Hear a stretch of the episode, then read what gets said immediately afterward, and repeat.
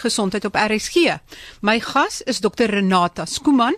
Sy is lid van die Suid-Afrikaanse Vereniging vir Psigiaters, SASOP, en ons gaan nou gesels oor angs en depressie, maar nou nie oor die heel ernstigste toestande soos bipolêre verstoring of skizofrenie nie, maar aan alledaagse angs en depressie en ons gaan ook kyk na major depressie. Baie welkom Dr Skuman.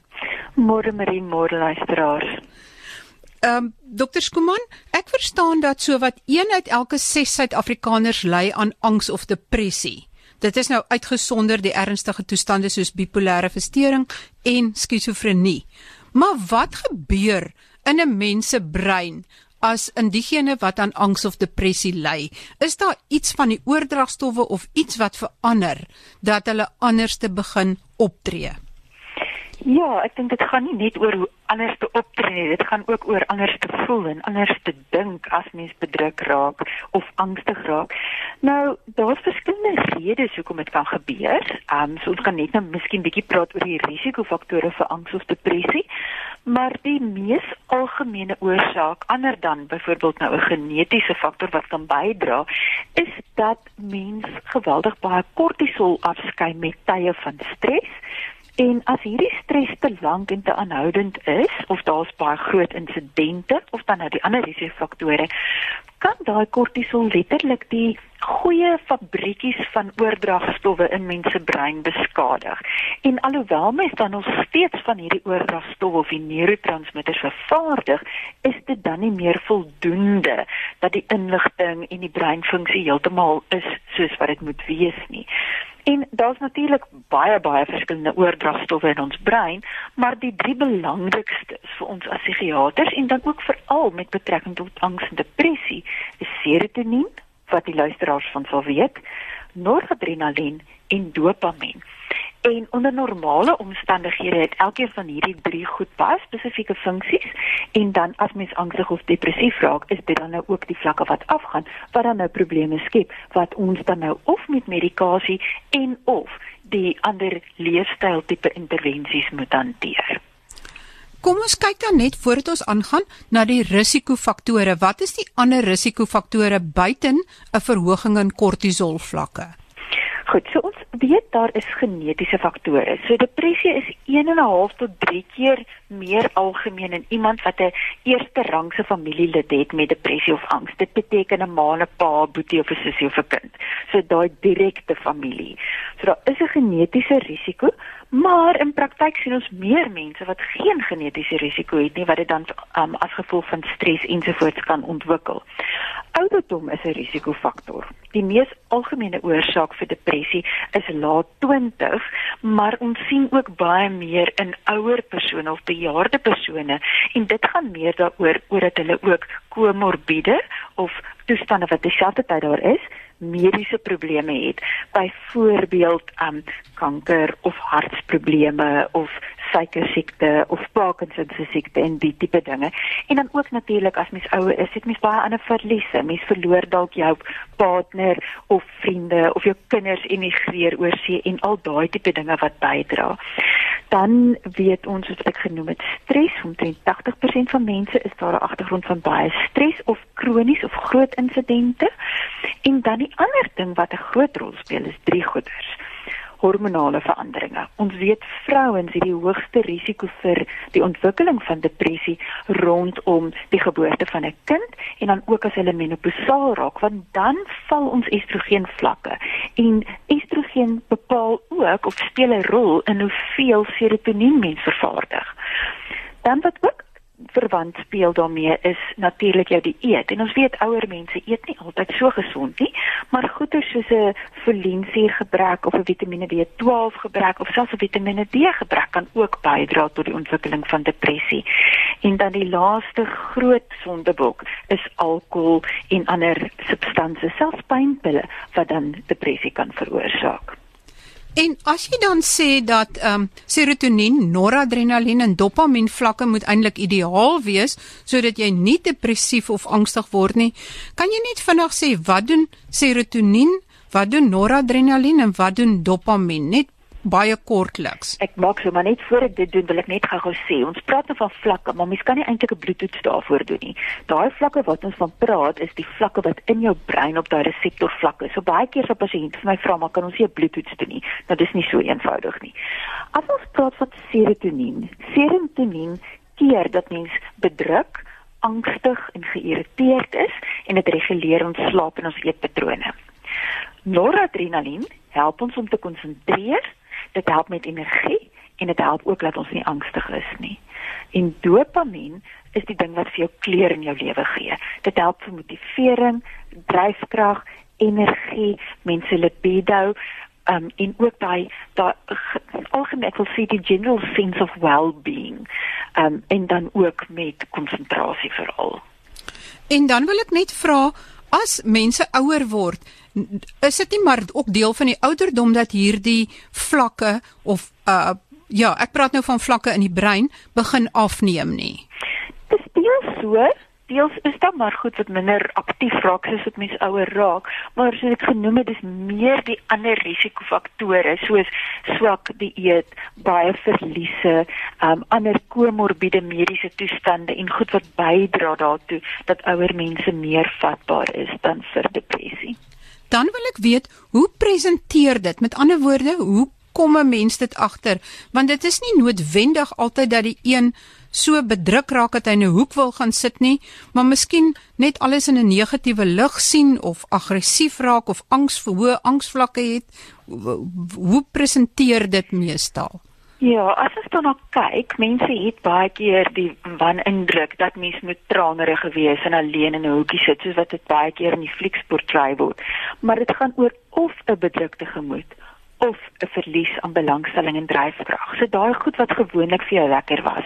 Soos jy het van tevore daarvoor gehou om te oefen en skielik is dit net jy kan nie jouself so ver kry nie. Of het van naaldwerk gehou en skielik kan mens net nie daai hekelpen of die naaimasjien eers na kyk nie. Daar is net geen belangstelling daarin nie. Dan saam met die bedrukte gemoed of verlies aan belangstelling en dryfkrag, is daar baie keer wat ons noem biologiese simptome, soos die moegheid, verminderde energie, slaapprobleme, mens wil of meer of minder slaap, eetlusprobleme, mens verloor of jou eetlus of jy wil die heeltyd comfort eat. Dan troos eet is 'n mooi woord daarvoor. Saam met dit sien ons baie keer irritability of geïrriteerdheid. Ek sê baie keer vir die ouer dames as hulle mans in skrik verander, moet hulle wonder of die man nie dalk bedruk is nie. En dan in my my view is dat 'n kind of 'n tiener wat ewe skielik gedragsprobleme het of moeilik is, is depressief tot anders bewys. Mens moet ook baie mooi daarna kyk. Dan sien ons baie keer ook ander fisiese simptome van depressie wat kan wees soos ek genoem het baie lae energie maar ook pyn. Um aches and pains amper wat baie mense sal sien as 'n fibromialgie tipe beeld maar wat eintlik dan depressie is. En die derde groep simptome is wat ons noem die kognitiewe simptome. Met ander woorde jou denkgoeders. So dis waar mense negatiewe gedagtes het of sukkel om te konsentreer sukkel om besluite te neem vergeetagtig raak um negatief voel oor jouself, waardeloos, hopeloos voel of selfs dan nou wat nog erger raak as mens begin voel maar daar's nie meer sin in die lewe nie of selfs dan selfmoordgedagtes en doodswens het. Sjoe, dit raak baie ernstig. Hmm. Maar kom ons kyk, wat kan 'n mens self doen?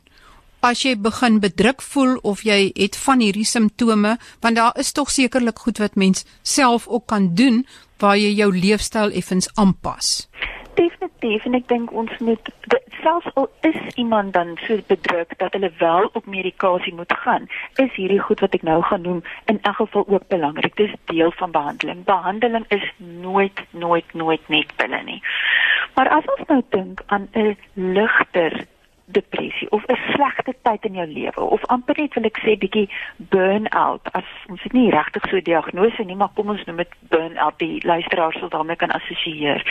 Dan is daar dit wat ek noem the seeds of mental health daai vyf saadjies wat ons kan doen om ons eie geestesgesondheid te beskerm en beter te voel met of sonder medikasie dan.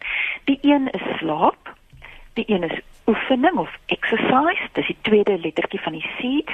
Die derde een is dan educate of om regtig jou brein te stimuleer. Die vierde een is diet of gesonde eetgewoontes en die vyfde een is socialize of hoekom ons vriendskappe en verhoudinge moet nurture. Ek verstaan dat oefening nogal jou baie vir jou brein kan beteken. Kan jy so 'n bietjie uitbrei daarop? So, ek sê altyd vir my pasiënte, as hulle net een ding vir hulle self doen, is dit om hulle tekkies elke dag aan te trek en net 30 minute gaan stap. Nou daar is emosionele goed wat oefening vir jou doen, maar dan ook biologiese goed. Nou die eerste ding wat oefening ons almal weet is gesond vir jou fisiese gesondheid. Maar as mens 5 keer 'n week 30 minute lank oefen, wys die navorsing dat jy angs en depressie met 47% minder maak en jou konsentrasie met 20% verbeter. Nou hoe dit werk is Een oefening het 'n sielkundige benefit van ek doen iets goed vir myself en al is my motivering hoe laag en ek het dit nou reg gekry vir dag dan het ek iets achieve. So daai positiewe terugvoer wat jy vir jouself gee. Maar die biologiese verandering van oefening is ook wat ons soek. Oefening maak dat dopamien opgaan. So dopamien maak klaar, ek het bietjie meer motivering en dryfkrag. Ek voel lekkerder, daar's bietjie kleure in my lewe, ek het bietjie meer energie en ek kan helder dink en beter konsentreer dan weet ons daar strukturele veranderinge in die brein wat die oefening doen. Byvoorbeeld in ons geheueareas soos die hippocampus stimuleer oefening die groei van nuwe breinselle. So daai selletjies wat nou seer gekry het met die stres of met die depressie kan letterlik weer vernuwe en dit help ook dan vir geheue en vir leer om beter te raak. En ter aanvulling as mens in terapie is, help dit dat die terapie soveel beter is om beter denkpatrone aan te leer. Verder weet ons oefening is goed vir jou immuniteit. Bou ook daai resistance wat ons het teen immuniteit. En um die ander ding is ook natuurlik dat as ons goed oefen, dit maak dit ons net soveel beter slaap. En slaap is dan nog een van daai saadjies wat so belangrik is vir ons well-being. En ek verstaan dat oefening ook vir mense wat aan ADHD ly baie voordelig kan wees. Ja, dit gaan een daaroor dat mens bietjie van daai energie ontslaa raak, maar soos wat ek nou genoem het, die konsentrasie verbeter. Nou dopamien help met konsentrasie soos ek genoem het, maar spesifiek it helps you to focus at the task at hand. Met ander woorde, as die luisteraars nou radio luister, help dit hulle om te luister na ons gesprek. Dis dopamien waar noradrenalien maak die ander geraas in die omgewing bietjie stiller. It drowns out the noise. So terwyl mens nou vir die praatjie luister, byvoorbeeld, hoor mens nie nou noodwendig die verkeer of die honde wat blaf of al daai dinge nie. So oefening stimuleer die dopamien en dis hoekom dit ook so goed is vir iemand met ADHD. En dan hoe werk slaap? Hoe kan slaap jou brein verbeter? Daar's baie klomp voordele van slaap, nie net een nie. Ons weet een van die nuutste navorsings wat nou uit is die laaste paar jaar is dat ons brein net amper soos 'n ek wil amper sê 'n rioolstelsel wat elke nag terwyl ons slaap flush dit al die afvalprodukte wat opgehoop het deur die dag in ons brein uit. En daar's nou bewys as mens te min slaap dat dit 'n verhoogde risiko is vir geheueprobleme later in mens se lewe.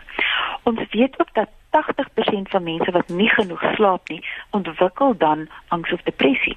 So slaap beskerm ook ons emosie, emosies teen die ontwikkeling van probleme. Slaap help ook ons om leer te konsolideer. So dit is so belangrik vir studente of iemand anders wat op 'n kursus is byvoorbeeld dat hulle nie deur die nag moet probeer swat nie, want mens moet jy slaap om daai wat jy nou voor jy gaan slaap het of in die middag geleer het om dit vas te lê in mense brein so vir geheue verder is dit ook bewys dat slaap um help met ons hormonale regulering wat vetsig voorkom. So daar seker hormoonbalanse as mens sleep deprived is, want versteur raak dat mens meer eet en sukkel om gewig te verloor en dan ook as mens nie genoeg slaap nie, gaan mens se bloeddruk op. Dan is daar natuurlik die gevare van nie genoeg slaap nie laat mens 'n uh, bestuursgevaar op die pad is as dit wat ons noem micro sleep gebeur wat nie letterlik vir 'n paar sekondes agter die stuur wil nie slaap raak al is jou oë oop. So daar's regtig baie baie voordele van slaap. En dit is ook interessant dat dit dat die navorsing wys dat die mens eintlik meer slaap nodig het as wat baie mense eintlik dink dat 'n goeie nagrus van 8 ure eintlik essensieel is.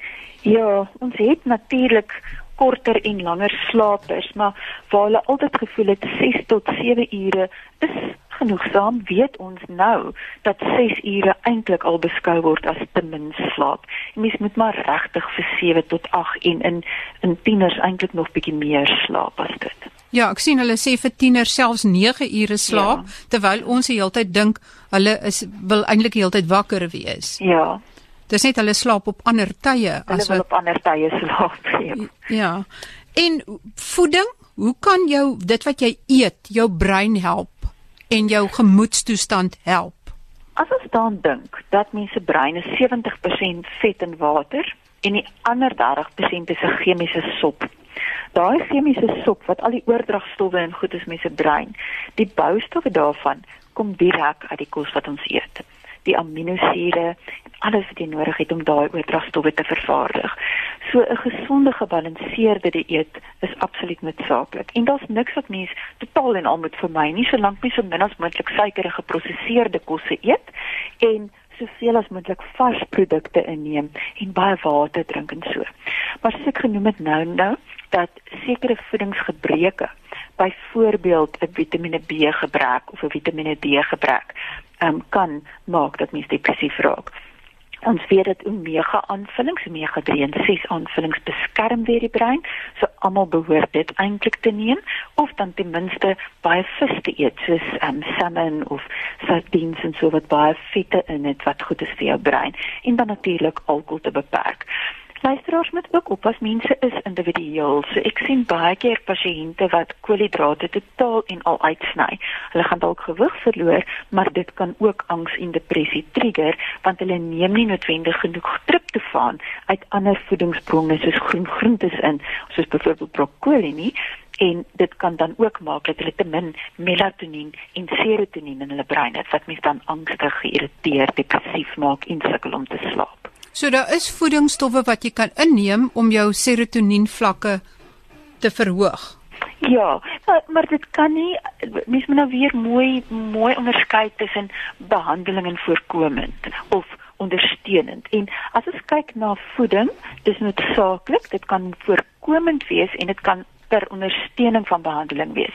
Maar as mens eers depressie of 'n angsstoornis het, kan voeding dit nie regstel nie. Die die gebrek wat mens dan het is eintlik nie te groot. Mens het medikasie dan nodig, maar mens gaan natuurlik beter reageer op die medikasie as mens ook aan mense dieet aandag gee.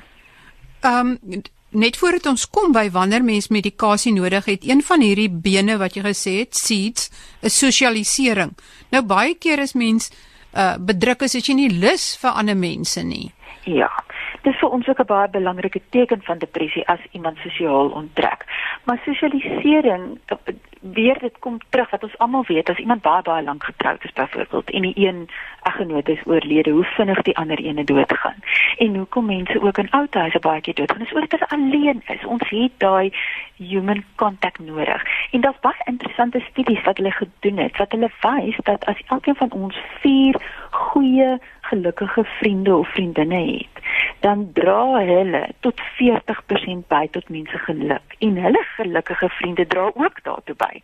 So as mens sosiaal geïsoleerd raak, is mens geneig om meer bedruk te wees. Waar as mens gereelde gesonde kontak het en ek praat dan nie van 'n drinking buddy nie, ons praat van gesonde voedende vriendskappe, dan is mens meer gelukkig.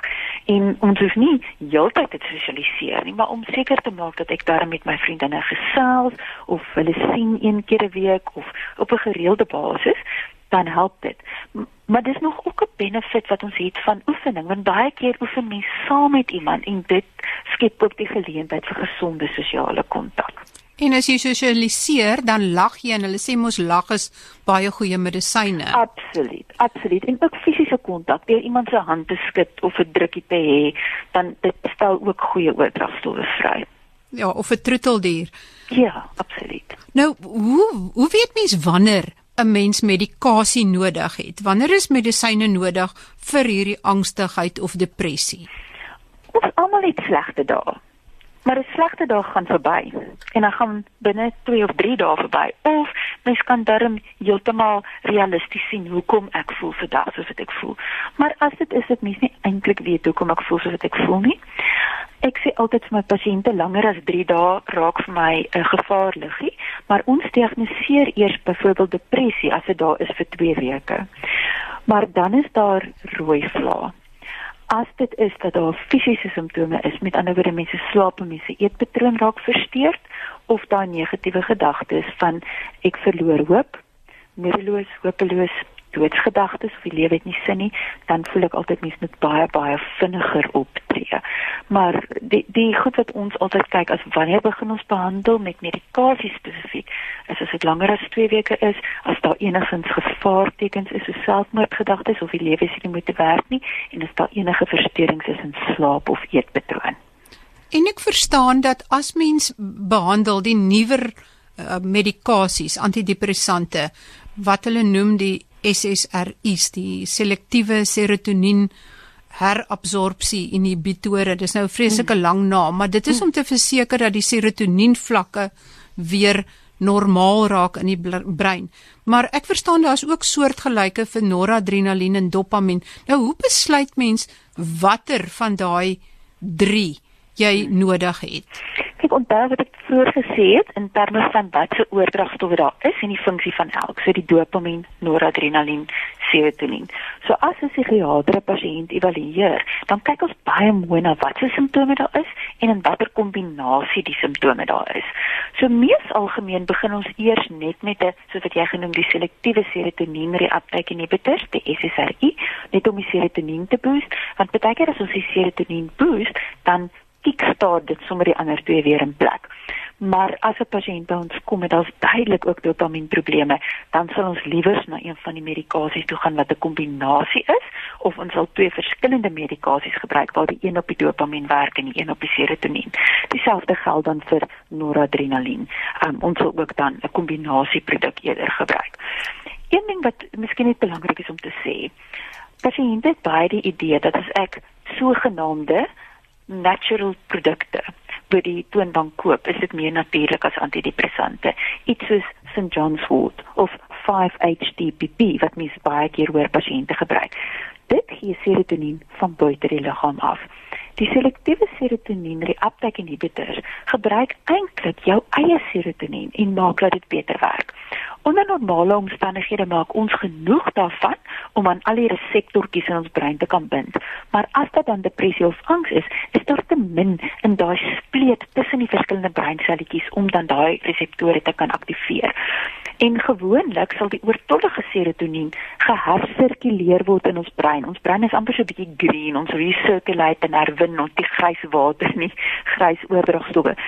Maar ons gebruik dan ons medikasie om daai hersirkulasie te blokkeer. Met ander woorde, alles wat vervaardig word, werk nou en bind aan die reseptore. So ons gee nie 'n spul chemikalie van buitekant af of serotonien van buitekant af nie. Ons help dat die brein beter funksioneer, dit wat jy reeds self maak. Met ander woorde, dis nou weer hoekom voeding so belangrik is want anders kan die brein mos in elk geval dit nie maak as daar nie goeie uh, goeie boublokkies vir die oordragstowwe is nie. En dis ook die rede hoekom mense in meeste gevalle weer medikasie kan stop, want as daai balans herstel is, dan hoef mense nie die res van jou lewe Ek wil dit vergelyk met 'n gebreekte been. As die been aangegroei is, hoef jy nie die res van jou lewe gips te dra nie. Maar mens moet natuurlik lank genoeg behandel, nie net tot jy beter voel nie, maar tot daar genesing is. En dis hoekom dit so belangrik is ook dat pasiënte met die dokter moet bespreek voor hulle medikasie stop. Want ons evalueer dan ook, is hierdie brein weer heeltemal aangegroei of been aangegroei voor mens net medikasie stop. En dit kan 6 maande vat of 2 jaar of langer, ja, weet. Ja. En dan net om af te sluit is uh hoekom is dit hoekom werk 'n uh, 'n serotonien aanvuller so serotonien is die SSRI's.